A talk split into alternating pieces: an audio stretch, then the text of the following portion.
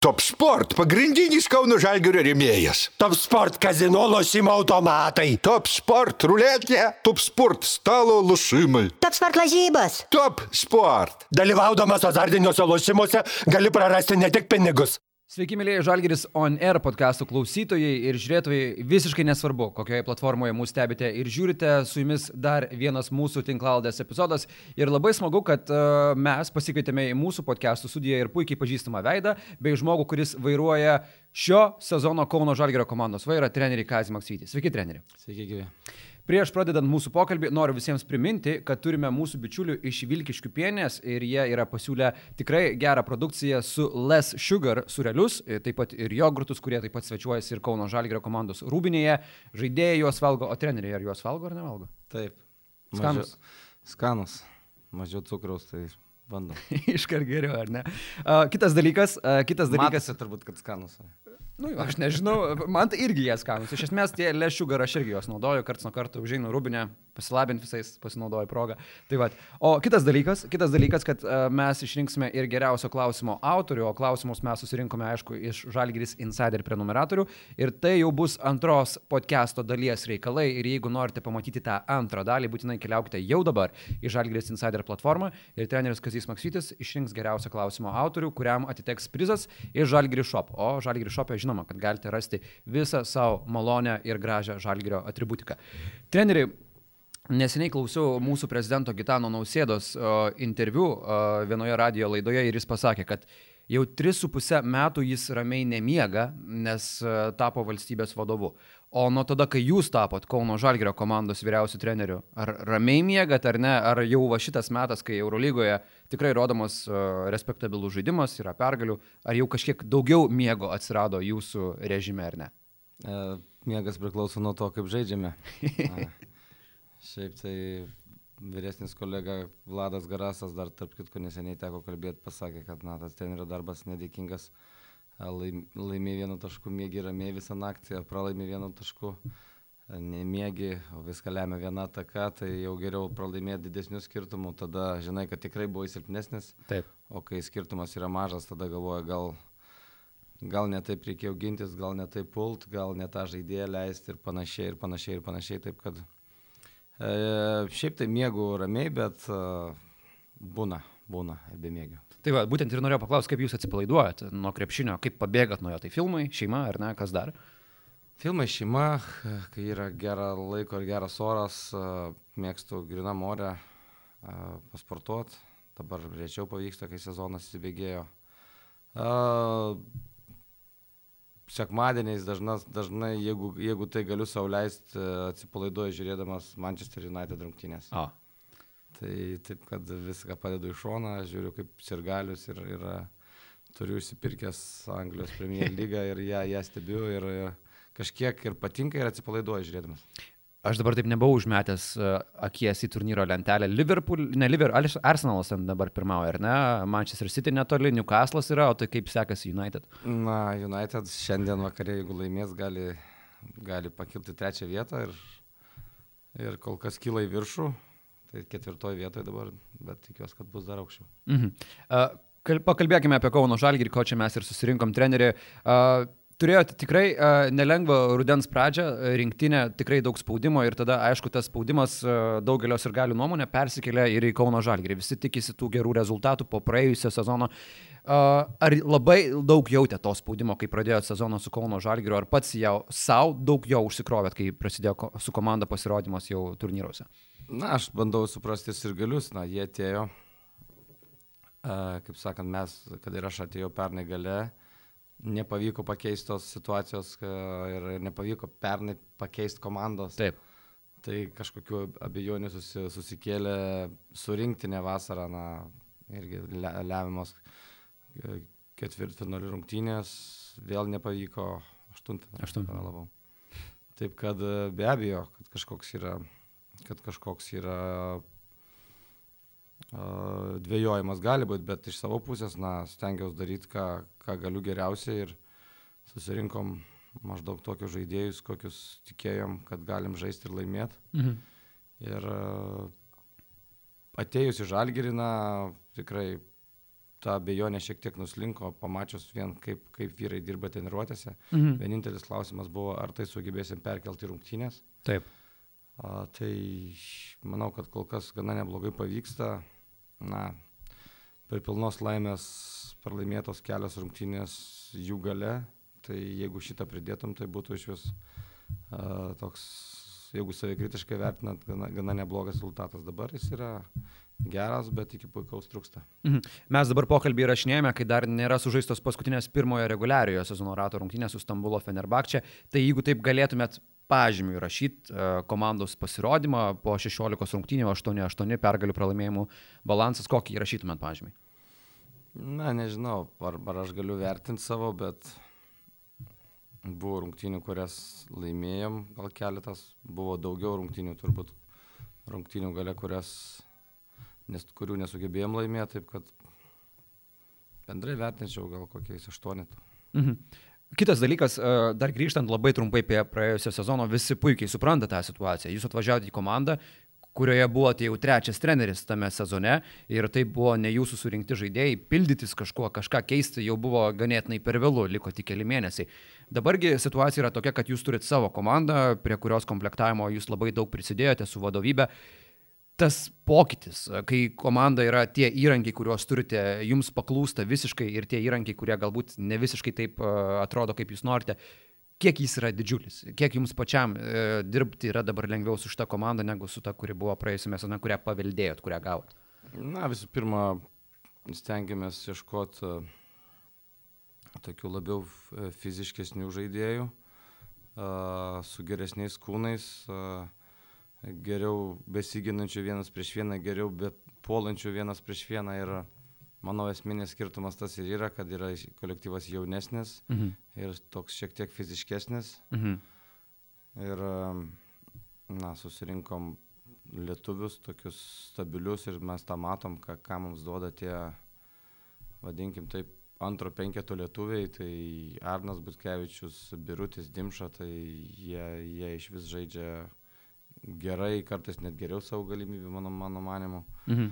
Taip kad e, susirinkom legionierius, kur su tam tikrom savybėm, jeigu vieni iš jų buvo kaip e, kevarijos labiau orientuoti į gynybą, tai Kinan e, įgy, įgy pusiau lietuvis, pusiau legionierius. Tai kai žaidžia gerai lietuvis, kai žaidžia blogai legionierius. Šiaip tai e, e, Kinan įgy labiau tokio vis tiek gerai žaidžiantis vienas prieš vieną, agresyvesni polime, taip kad sulibdėm tą visą komandą. Ir e, man atrodo, pokytis yra fiziškumas ir, ir, e, ir geresni gynybiniai sugebėjimai. Tai, o krepšinėje, bent mes tokia komanda, tokio biudžeto kaip komanda kaip mes, manau, kad visų pirma prilygstam savo varžovams savo ūgiu, savo fiziškumu Mhm. ir tada galim su jais eiti į lenk, taškų lenktynės, bet pradėti rungtynės nuo, nuo taškų lenktynių kažkaip nesinorėjo, taip kad prad, statėm savo komandą ant gynybos, ant atletiškumo ir, ir kol kas tai, manau, sekasi.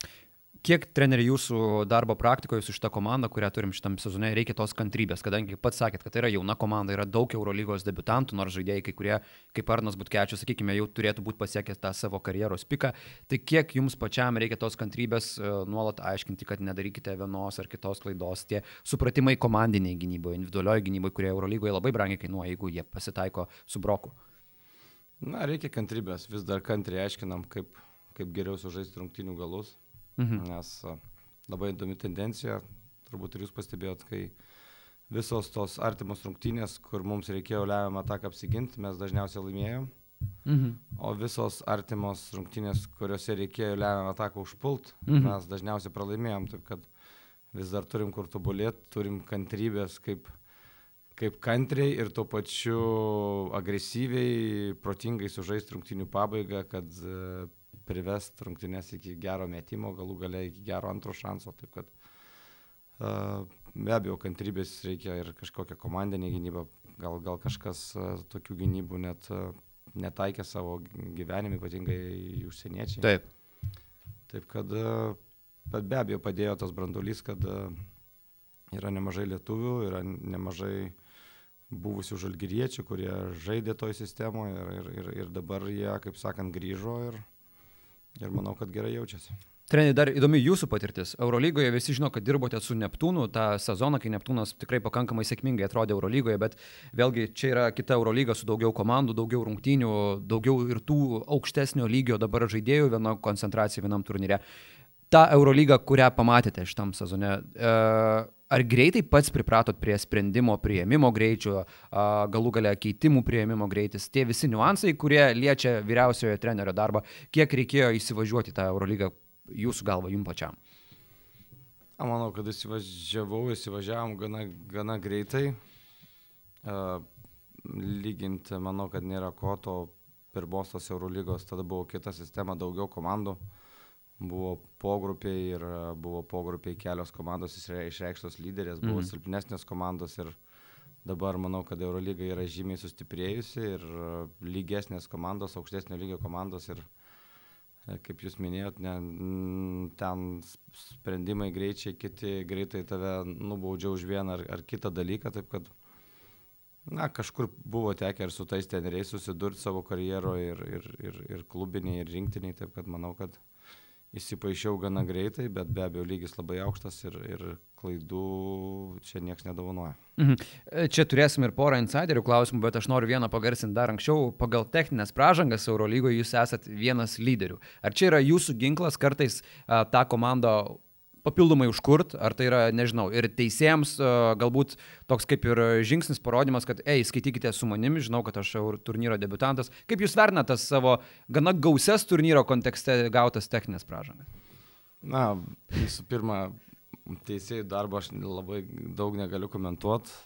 Taip, kelios tos techninės būna ir iš emocijų, kurias reikėtų labiau valdyti. Iš kitos pusės, kaip ir jūs minėjote, tai yra kova gal ne, ne labiau už mane, gal labiau už komandą, mhm. kad būtų vienodas pažangų traktavimas, Taip. vienodas kontakto ar žingsnių taisyklės konta, traktavimas abiejose pusėse. Pora iš jų buvo ir taktinių na, tiesiog reikalai eina negerai pusė, reikia pažadinti komandą ar, ar duoti signalą tiem, tiem patiem na, kitiem žmonėm. Taip. Taip, kad ir, ir kartais tas, tas, tas paveikia, bet na, tiesiog toks esu, karštai reaguoju situacijas ir, ir ginu savo komandą ir taip, prie pilnos laimės poros iš jų neturėtų būti. Ar įsivaizduoju scenarių, kad matot, kad situacija tikrai nelabai gera, kad net ir antrą taktinę techninę pasiemat ir tada jau paliekat matyti gintarą krapiką vadovauti komandai. Kaip yra ne vienas treneris tam sezone padaręs Eurolygoje, aišku, galbūt ne savo norų. Na, dažniausiai tokiu atveju, jeigu pavyksta išlaikyti šalto proto, tai paprašyčiau, kad asistentas pasimtų tą antrą techninę, kad, kad vis tik aš likčiau ant solo. Na, tai tokios nesu numatęs. Mhm. Eurolyga šitame sezone įvedė tą naują iššūkio taisyklę. Ir Eurolygoje pastaruoju metu pakankamai sėkmingai ją naudojotės, aš bandžiau tą statistiką visą ištraukti, tai septyni buvo iššūkiai paimti ir keturi jūsų laimėti. Ir man atrodo, ar net trys paskutiniai iš eilės laimėti. Tai vat, kaip esate sutarę tą sistemą, ar tiesiog jūs uh, žiūrite į žaidėjus, į jų reakciją, į jų įtikinėjimus rungtinių metų, kad treneri, nu tikrai tikrai buvo ne nuo mūsų kamuolys, kaip yra?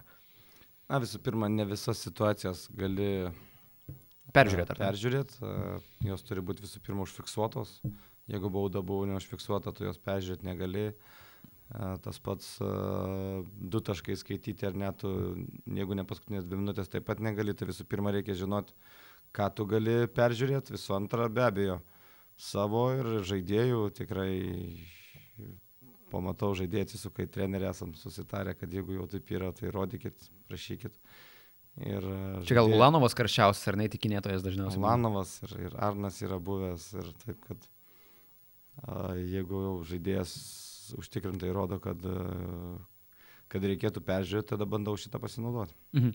Dar kalbant apie tą jauną komandą, apie jos pasitaikančių žaidimo bangavimo, šiame sezone buvo ir trijų išėlės pralaimėjimų serija, tie sunkus pralaimėjimai PAO, Nodolų, tada kovingos rungtynės su Cervena.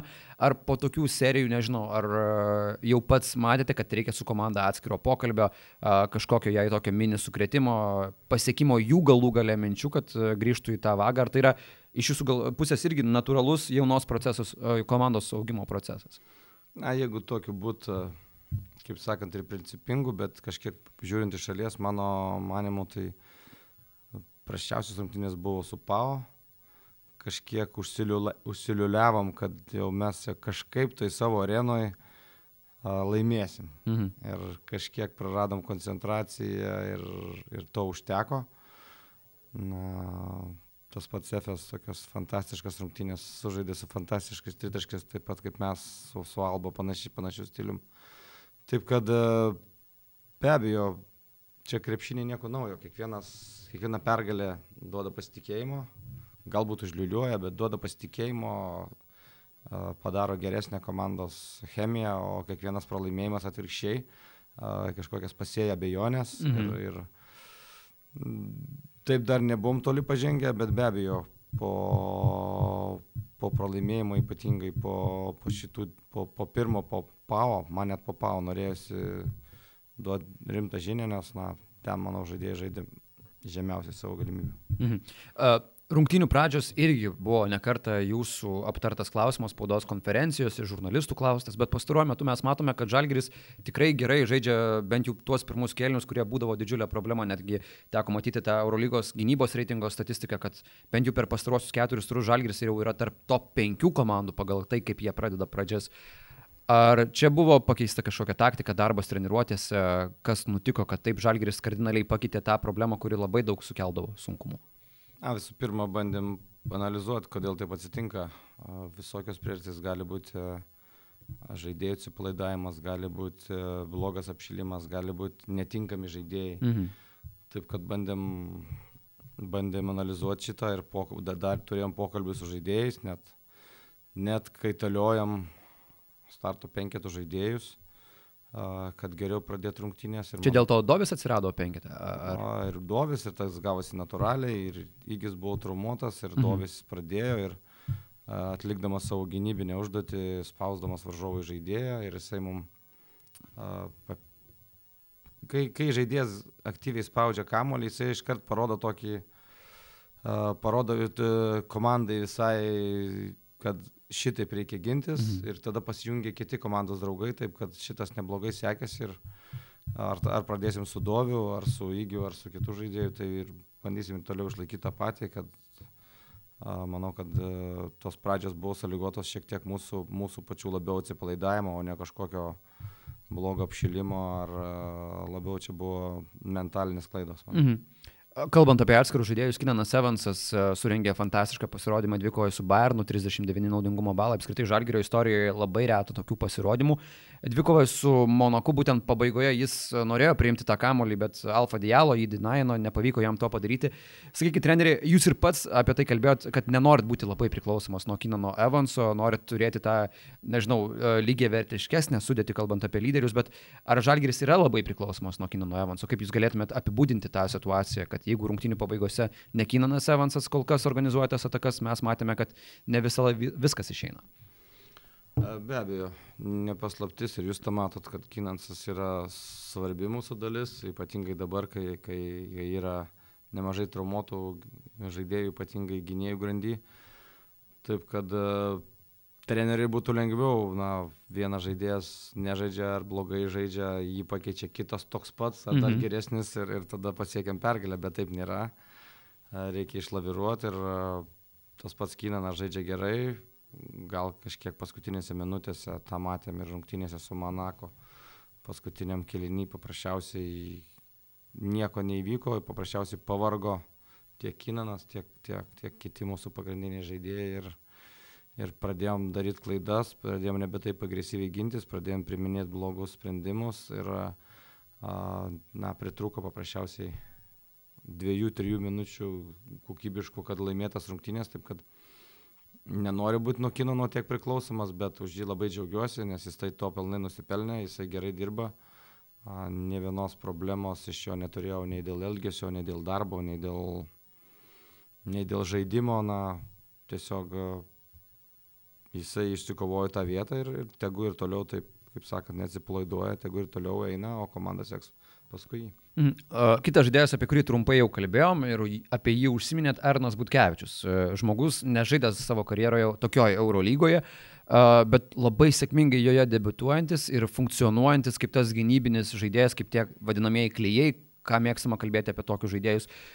Toks Arno Butkečius įsileimas, ar jūs patį kažkiek nustebino, ar būtent tą, ką dabar Arnas duoda Eurolygoje, jūs to ar tikėjotės jį pasikviesdamas į komandą? Manęs niekiek nenustebino. Aš netgi sulaukiau tokių pastabų, kad galbūt reikėtų, kadangi turim panašaus tipo žaidėją Edgarą Ulanovą jau su sutartim, e, galbūt Arno nereikia, ar gal reikia labiau kažkokio skirtingo, ar tai metančio, ar tai mhm. kūrenčio, na, bet nebijau nei kiek Arno, žinau jo žaidimo galimybės, žinau jo moralinės savybės ir, e, ir tiesiog man net gaila, kad jis tik dabar atsidūrė Eurolygoje. Mhm. Su, su tokiais savo sugebėjimais ir su, su tokiu atsidavimu. Mhm. Uh, pats Arnas yra kalbėjęs, kad uh, jam uh, patinka tai, ką jis daro, o, o kokios jo yra galimybės polime, ar jis gali tapti dar svarbesnė žalgerio dalimi ir jau prie varžovų krepšio kalbant apie renkamus taškus, atliekamus metimus, kaip jūs galvojate? Na, visą, visą gyvenimą Arnas toks buvo, kad jis labiau toks, jis labai gerai išla, padeda tenėms išlaikyti polimo balansą. Dažniausiai žaidėjai nori ilgai laikyti kamolį rankose, mes tą kamolį ir panašiai. Tai, tai tokie žaidėjai kaip Arnas e, labai gerai įsipaišo ir tą balansą padeda, padeda išlaikyti geresnį. O polime jis gali, prisimenu savo dar anksti Neptūno žaidimą, kai jisai pradėjo sezoną, tai buvo ir, ir gynybos, ir polimo lyderis su, su tritaškiais, su prasiveržimais, su greitu polimu. Taip kad uh, jis tų opcijų turi. Mm. Ignas Brasdėkis, kitas žmogus, apie kurį irgi daug kalbama, kaip apie vieną brangiausių Kauno Žalgėrio komandos žaidėjų, kuris galbūt dar neduoda to norimo rezultato. Kiek jūs pats matote, kiek Ignui sekasi prisitaikyti prie viso to e, Eurolygos lygio, prie galų galėtos komandinės gynybos, e, asmeninės gynybos, kur yra kitokia negu už Atlanto, kiek tas jo progresas yra jaučiamas, treneri? Na, visų pirma, su Ignu tokia irgi gana jautri situacija, vis tiek jis turi ir tų lietuviškų šaknų, ir rinktinės, ir, ir, ir lietuvis grįžęs, uh, grįžęs atgal padėti savo kraštui, savo komandai, taip kad, uh, bet jo visas, nereikia pamiršti, kad jam yra 23 metai mhm. ir jo visas auklėjimas, krepšinio auklėjimas yra nelietuviškas. Ir uh, jeigu kalbant apie tas krepšinio dalykus, tai jisai yra toks pats užsienietis, naujokas, pirmą sezoną atvažiavęs į komandą, taip kad kartais ir aš pats, ir, ir visi kiti turim būti kantresni. Na ir su Ignu kalbam, kad a, jis neprarastų savo tų gerųjų savybių, savo to agresyvumo, na, tą lipimo ant lentos, ant krepšio, to savo žaidimo vienas prieš vieną. Ir be abejo, kad priimtų tos, tos dalykus, europietiškus dalykus, kuriuos mes čia darome. Ir na, visko būna, jūs patys to, tą matot, bet svarbiausia, kad yra jo noras, energija ir tikiuosi, kad tiek jis, tiek mes nenuleisim rankų ir, ir matysim Igno geriausią versiją antrojo sezono pusėje. Ar galima sakyti, kad dabar Igno galvoj toj amerikietiško kompiuterio galvoje krepšinio vyksta kažkoks savotiškas perprogramavimas, nes pradžioje sezono rinktinėje jis tiesiog labai drąsiai atvažiavo, gaudavo kamolį, žaisdavo vienas prieš vieną, išnaudodavo tas erdves. Dabar, kai yra ilgas sezonas Eurolyga, kai galų galia ir varžovai daugiau jį skautina, jis turi jau priimti kitokius sprendimus, jau labiau tinkančius europietiškam krepšiniui ir galbūt atsiranda kartais ir dviejonė, tada prisimena, ką jūs jam nurodote per treniruotės ir tas dabar procesas dėl to ir jį kiek yra pristabdęs, kaip jūs galvojate, ar tai yra atsakymas? Taip, manau, kad jis yra pradėjęs kažkiek ir abejoti. Iš vienos pusės nesinori, kad jis prarastų savo gerųjų savybių, o kartais taip atsitinka, jisai pradeda abejoti ir svarbiausia, kad jis darytų tą, tą ką gali geriausiai, neprarastų savo individualių savybių, bet be abejo, kad priimtų tos komandinės ir naujas Eurolygos Europos taisyklės. Tai tikiuosi, kad žingsnis po žingsnio mes šitą išteisysim ir pagerinsim ir, ir turim būti kantrus tiek jis pats, tiek mes. Mhm. Kai mes šitą podcastą įrašinėjom, yra situacija tokia, kad e, teisė dar negali padėti komandai po rungtynių su Alitaus Wolfs. Jūs užsiminėt, kad komanda aktyviai ieško pastiprinimo. Tai kokio jūs žaidėjo, kokio profilio žaidėjo ieško Kauno Žalgiris, kad ta komanda sustiprėtų antrąjį sezono dalį? Taip, dėjas, uh, uh, TC, kaip mes vadinam Tylerį, reikalai negerėja ir, ir jis, kaip sakant, dar konsultuojasi su gydytojais. O kadangi laukia sunki a, antra sezono pusė, tas pats sausio mėno labai svarbus visos, visos rungtynės su, su savo lentynos varžovais, mhm. kurie yra aplink mus. Ir kažkiek kelias rungtynės mes kaip ir išsiverčiam tą rotaciją, pastumdami Edgarą, kartais ir Arną galim pastumti. Rolandas gali žaisti per kelias pozicijas, bet taip ilgai netemsim. Taip kad e, negerėjant į situaciją mes ieškom būtent žaidėjų ketvirtą poziciją, kažko panašaus, ką mums teisy turėjo duoti, su geru metimu, su, su gerais gynybiniais sugebėjimais. Ir, e, na, kažkiek tai išsiversim, bet manau, kad ilgam procese, jeigu teisy negrįž, tai būtinai reikės pasipildyti šitoj pozicijoje. Aišku, ir prioritetas virukui, kuris negailėtų savęs daužytųsi kaip dabartinė Kauno Žalgirio sudėtis, ar ne?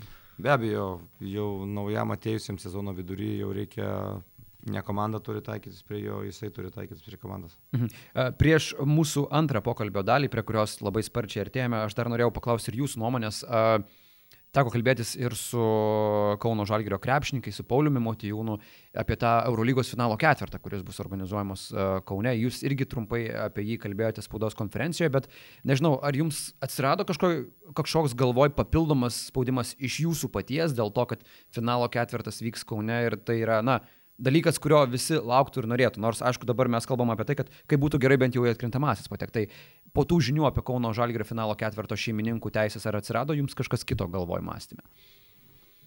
Na, kažkiek pridėjo be abejo.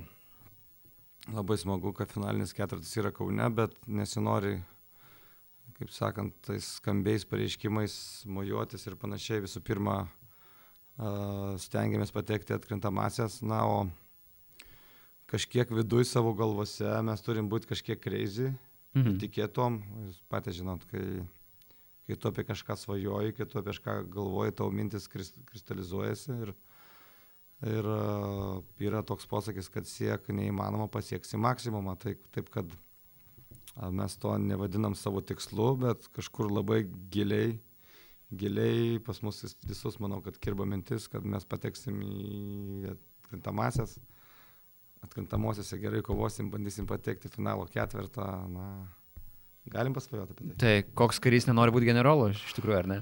Taip, taip, kad uh, mintis svajonės kristalizuojasi, taip kad kausimės visų pirma dėl, dėl playoffų, ateis playoffai, kausimės dėl finalinio ketvirto. Gerai, treneri, ačiū už pirmą dalį. Mes dabar keliausime į antrąją. Taigi, jeigu norite ją pamatyti, keliaukite į Žalgiris Insider platformą. Ir geriausio klausimo autoriams šiame sezone mes esame paruošę prizą iš Žalgiris Shop. Taigi, baigime su pirmąją dalimi ir keliaukime į antrą. Gerai, treneri, tai nieko nelaukdami, pradėkim. Uh, ir Vesta klausia, kai kurie klausimai matyt bus tokie, kuriuos jau palėtėm, tai jeigu juos galite tada trumpiau atsakyti, o kiti, aišku, bus tikrai dar neaptarti. Ir Vesta klausia, ar esate patenkintas dėl komandos žaidimo pirmoje sezono pusėje ir ar jau nusprendėte dėl papildymo. Tai tą antrą dalį kaip ir atsakėm, bet dabar dėl to, ar esate patenkintas dėl komandos žaidimo. Top Sport - pagrindinis Kauno Žalgirio rėmėjas. Top Sport - kazino lošimo automatai. Top Sport - ruletė, Top Sport - stalo lošimai. Top Sport lažybos. Top Sport. Dalyvaudamas azartiniuose lošimuose gali prarasti ne tik pinigus.